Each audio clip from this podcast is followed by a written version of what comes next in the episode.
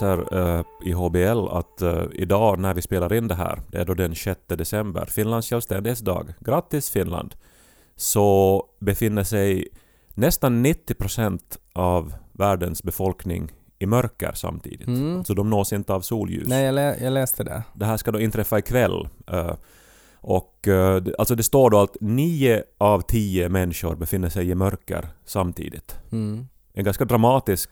Ja, det är ganska dramatiskt. Det låter ju som att det, det, det är en så här perfekt, så här, om man skulle vara häxa, så skulle det ju vara perfekt att man skulle spara liksom sin största besvärjelse till just den här natten. Menar du att besvärjelser på något sätt de funkar bättre i mörker? Ja, nej men att om man tänker att man vill ha, att om, om, om jag skulle vilja sätta en förbannelse på alla som befinner sig i mörker till exempel så skulle jag ju nå ut till mest människor.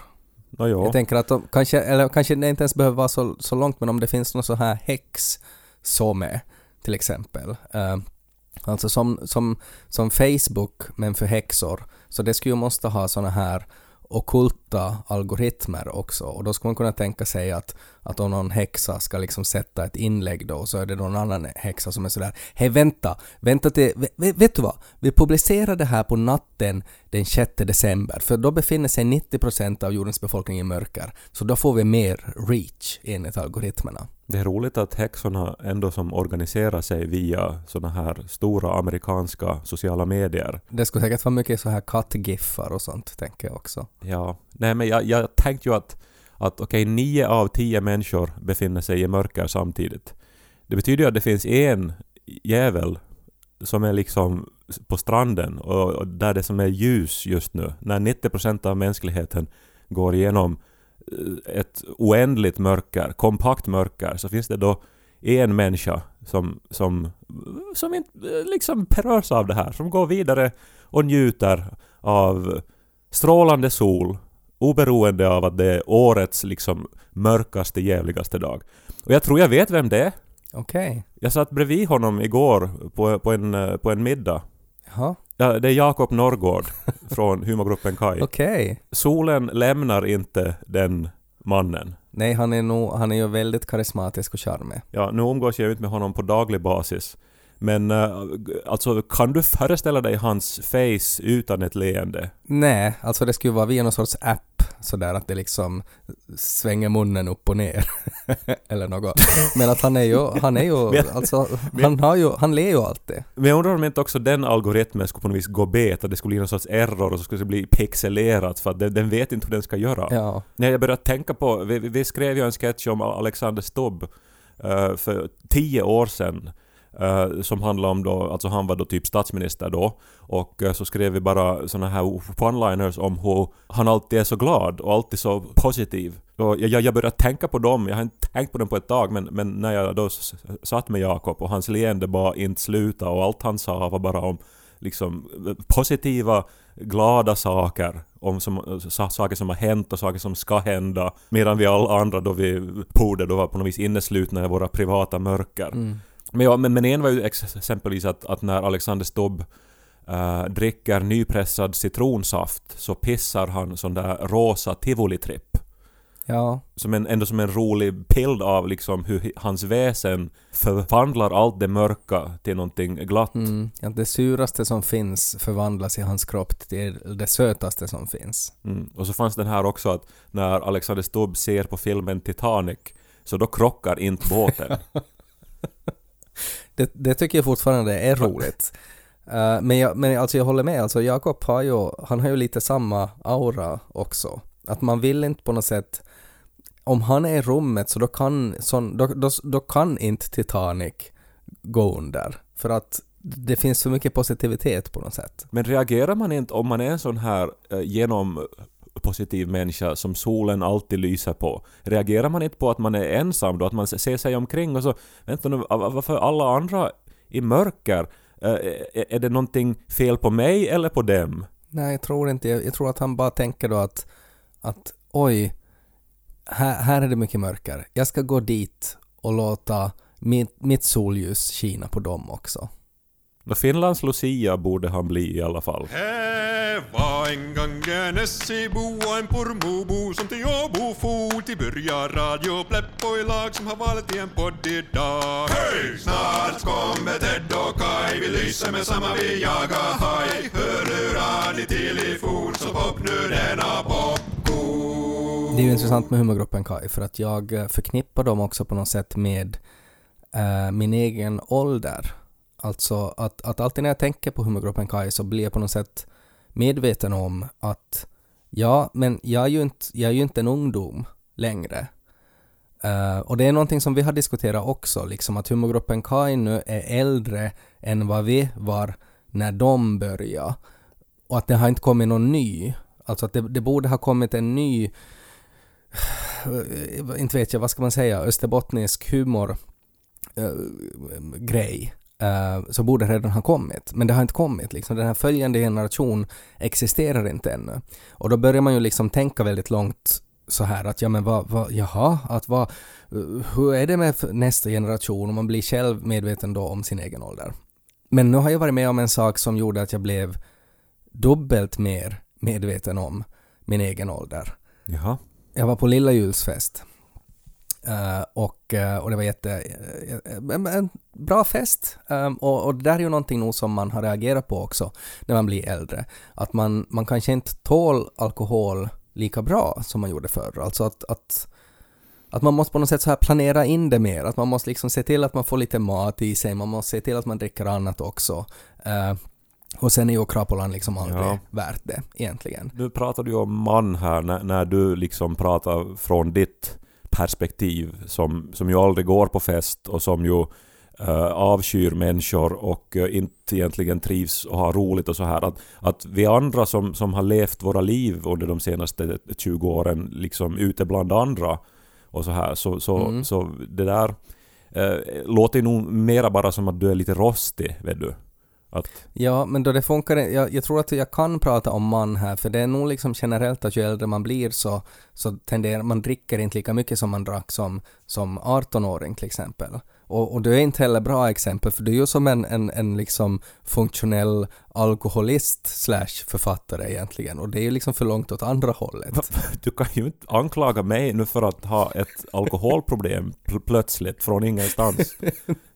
Nej, men, men jag menar, du har just kommit hem från Visby, där du har varit på någon sorts rehab och druckit vin, säkert till frukost, med de här andra författarna. Och, och det är ju inte liksom heller, det gör ju man inte heller, tänker jag. Men inte handlar det ju heller om att det är som åldern här nu som har på något vis förändrat din kropp, utan det, det handlar ju också om att man, man är intresserad av en annan sorts fest när man är i en mognare ålder. Så är det, men rent biologiskt så har det ju nog också att göra med ålder. Alltså att kroppen har eh, inte liksom, eh, vad heter det, alltså inte tar upp utan alltså sådär får bort alkohol ur kroppen.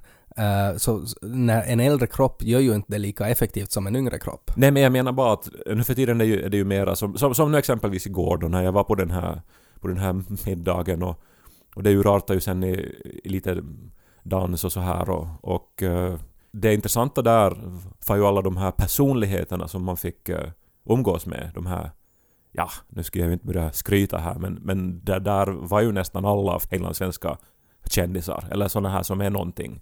Mm. Uh, du saknades ju, men eh, det, ingen hade ju räknat med heller att, att du skulle ha lust att ha roligt, så jag antar att du inte fick någon inbjudan. Jag, jag hade nog fått inbjudan men jag var tyvärr inte i Helsingfors då så jag kunde inte, jag kunde inte vara med. Men det skulle vara jätteroligt nog tror jag. Ja, men så, då är man ju ändå som mer intresserad av att liksom höra intressanta utläggningar om spännande nya projekt och oj, där är liksom hon, Alma Pöysti, hon är ju som vår största skådis just nu så här internationellt typ.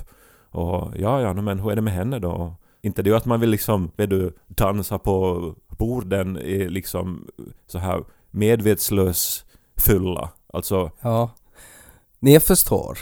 Ehm, nej men du gör ju inte det. Jag tror inte att du gör det. Du har liksom skippat Ja. 20 år av roligt och nu försöker du komma in här med någon sorts medelålders advice om hur man ska dricka vin. nej, men jag har ju inte, jag har väl inte gett något råd om hon ska dricka vin ännu. Och jag förstår nog det där men jag har inte, jag, jag, jag delar inte liksom det här ivern i att få diskutera nya projekt med Alma Pöysti. Inget ont mot Alma Pöysti, men att jag, jag är inte lika intresserad kanske av det. Men det var egentligen inte det jag skulle prata om, utan att det jag skulle prata om var egentligen vad som hände efteråt, efter den här äh, lilla ljusfesten, när jag kom till, äh, till hotellrummet. Äh, så det finns ju många olika sorts rum man kan boka. Uh, och det här var då i Vasa och, och hotellutbudet i Vasa är ju inte, det är ju inte enormt men att det finns ju vissa som är bättre och så finns det vissa som är sämre.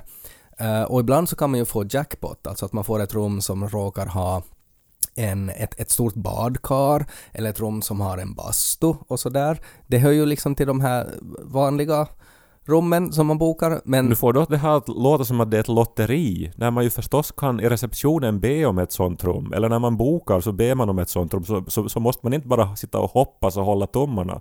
Nu igen låter det som att du är liksom helt oinsatt i hur livet fungerar. Ja men ibland så kan man få, alltså sådär att om man inte har bokat något extra, så ibland kan det vara något extra. Att de säger att oj, vet du vad, uh, att, att vi, vi, det finns det här rummet med bastu, att vi bokar in dig i det när man kommer till receptionen.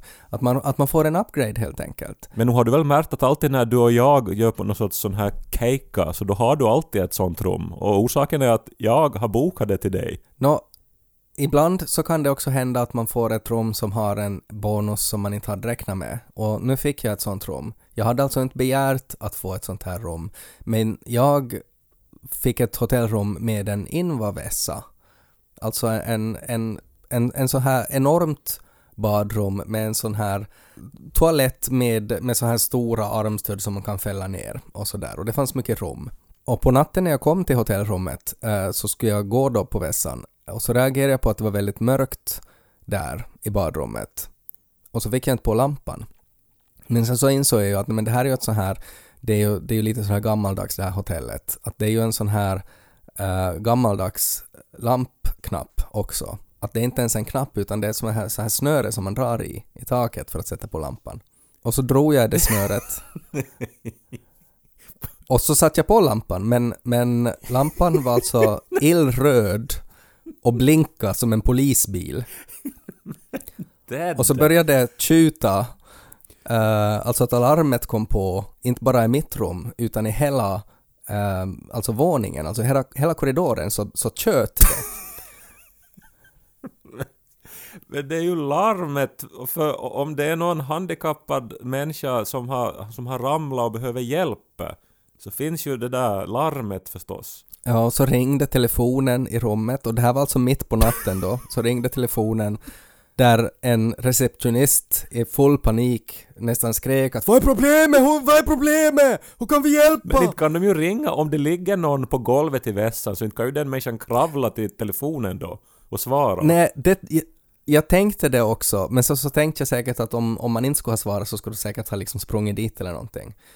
Uh, men sen så, så förklarar jag då åt receptionisten att uh, det är inget problem att jag, jag har klarat av mina toalettbestyr helt på egen hand. Uh, att det var i misstag så råkade jag sätta på det här larmet. Och då sa receptionisten att okej, okay, då kan du klicka av det! Och så sa jag att ja, det kan jag nog. och så la jag på och så tog det jättelänge för mig tills jag insåg att det fanns en helt annan knapp i det där rummet som man skulle trycka på då för att få av det här larmet. Och det var då, i den stunden, alltså mitt på natten, i ett mörker där det så här blinkar rött, eh, jag hörde alarmet ut i, i, i hotellkorridoren och jag inte hittade rätt knapp att trycka på för att stänga av det. Det var då som jag märkte att nu är jag gammal. När jag sätter igång ett alarm och inte lyckas hitta rätt knapp att trycka av det. Men jag har aldrig sett en lampa i ett rum som inte är typ något sorts så här vindsloft som man tänder genom att dra i ett snöre. Det är nog något som du har hittat på.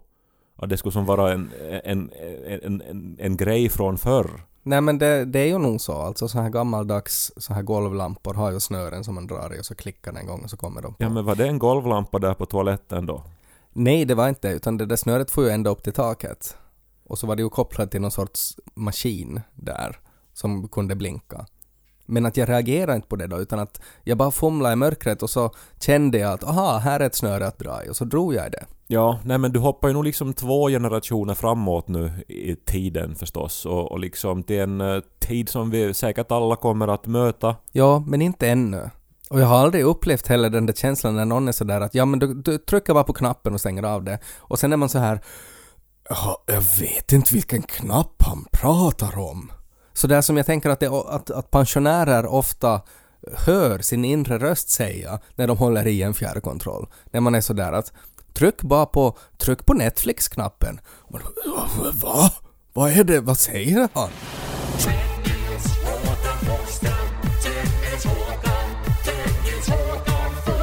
Vi pratar lite om det här med att vara olika äh, åldrar och på något sätt då olika generationer då med just soliga eh, Jakob igår. Mm. Och eh, för han håller på och snart ska fylla 30 och jag håller på och snart ska fylla 40. Det är liksom väldigt konkret det här. Det är 10 år mellan oss. Mm. Han berättade om uh, att han då var 11 uh, när han såg uh, en grej som du och jag hade gjort, Mumin visar allt. Mm. Att det hade då lämnat ett avtryck och så här. Det känns ju också som ett hopp från att man skapar liksom ett, ett så här tonårs slash barnfenomen. Mumin visar allt och så går man då liksom direkt till att man är förvirrad på Inva-WC och sätter igång alarm. Att det är liksom samma människa som... Att nu har det ju som hänt någonting mellan de åren då. Humorgruppen Kai har säkert aldrig heller haft något specialönskemål med sina hotellrum. De är, de är så här också att de tar det de får. Det tror jag också. Jag hade en ganska förnedrande eh, upplevelse här också, orsakad av eh, min mamma, som bara menar väl. Och det här har ju också då att göra med de här intergenerationella skillnaderna antar jag. Men eh, jag fick plötsligt ett meddelande till min, till min e-post från, ja no, alltså från den här nazistbutiken. Mm. Alltså den, den här som finns i Österbotten, det finns en sån här butikskedja som typ ägs av antisemiter. Ja, Och är, alltså de är som riktigt fasansfulla i sin kommunikation. ja, Men de har ändå liksom en webbshop ja. som många använder, även om för alla vet det här, att de har kopplingar till riktigt shady ställen. Men är det tillräckligt förmånligt så... Alltså det, det är intressant att hur långt ska man... Att om de på riktigt skulle sätta en nazist-tarra på produkterna man köper därifrån så nu ska det ju vara sådär att ja men är bara till potta ta bort det hakkorset. Det är bara till ta bort det och sen, sen följande steg är liksom att de ska börja stämpla det att man inte får bort det och så att ja men man kan ju svänga mot väggen. Det var nog billigt. Ja, nej men alltså det, det på många sätt obegripligt att den här webbshoppen bara liksom lever och, och, och mår år efter år trots all negativ publicitet. Men det är säkert att det är människor så otroligt sugna efter erbjudanden. Mm. Eller då, alltså för, för jag tänkte ju först att det var typ spam eller någonting, men sen så insåg jag att okej, nej men nu närmar ju sig december här.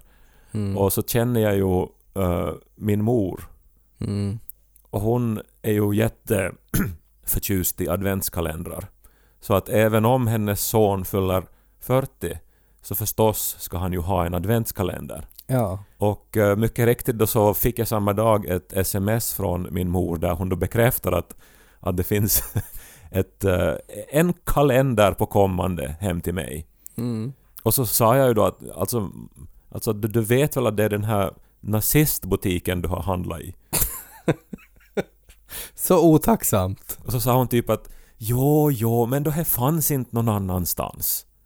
Så det var tydligen då någon produkt då som hon specifikt ville då ha till mig som endast då fanns i nazistaffären. Ja, men var det då något så här Adolf Hitlers 24 nazistluckor?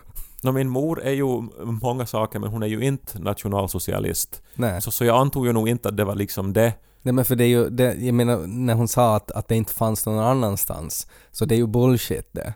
Om det inte var någon så här jätte, jätte speciell kalender. Ja, nå, men jag måste ju hämta förstås ändå då det här. Mm. Eh, så att jag då gick då till andra änden av stan och visade den här koden som hade kommit då i e-posten.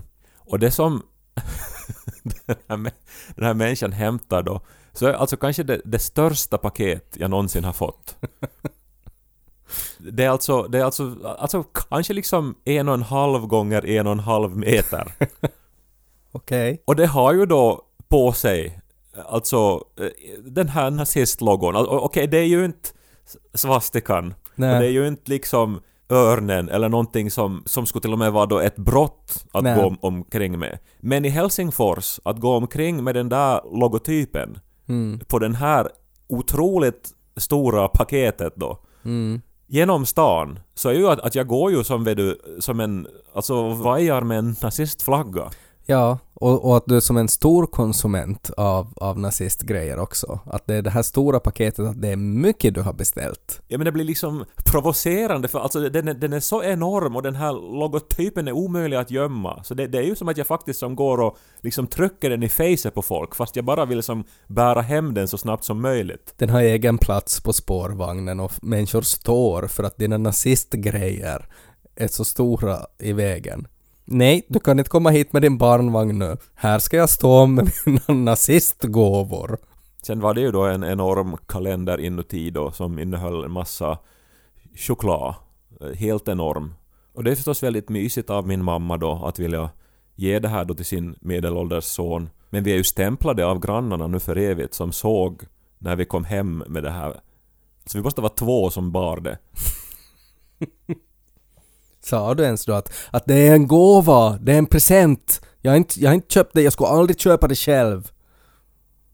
Kan du äta den där chokon då med gott samvete? Att när du öppnar en lucka då varje dag och så sätter du chokon i munnen och känner hur det börjar smälta så tänker du inte då på hela tiden att varifrån vilken firma det är som har fått pengar för den här chokon. Choko är förrädiskt på det där sättet. Det är ju oemotståndligt oberoende. När det smälter i munnen så smälter ens moral samtidigt.